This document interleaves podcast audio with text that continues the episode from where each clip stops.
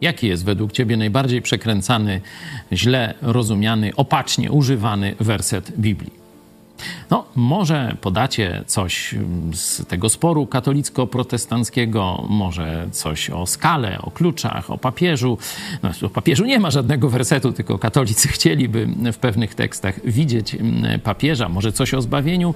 Nie, ja wybrałbym Ewangelię Łukasza, 20 rozdział, 25 werset, kiedy Jezus mówi: Oddawajcie więc cesarzowi, co jest cesarskie, a Bogu, co jest Boże.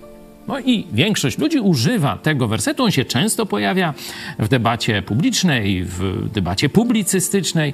E, I interpretacja tu taka, że tak powiem, ludowa, popularna, to jest, że jest królestwo Cezara, nie? czy tam władzy państwowej, i tam sobie władza państwowa, władza cesarska orze jak może, robi co chce. No i jest to królestwo Boże, królestwo, gdzie tam powiedzmy Jezus rządzi i ono jest odrębnym światem. Że te dwa światy, świat cesarza, świat Boga, to są odrębne światy.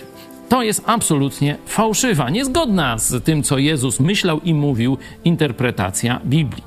Prawdziwa jest, że jest Bóg i Jego Królestwo. Ono ogarnia cały wszechświat. I Bóg przekazał część zadań władzy malutką część władzy państwowej i tam ma być realizowany ten porządek państwowy, oczywiście pod kontrolą Boga. Można zobaczyć to w nauce apostolskiej, piąty rozdział dziejów apostolskich, kiedy Rada Najwyższa mówi: Zakazaliśmy wam mówić o Jezusie.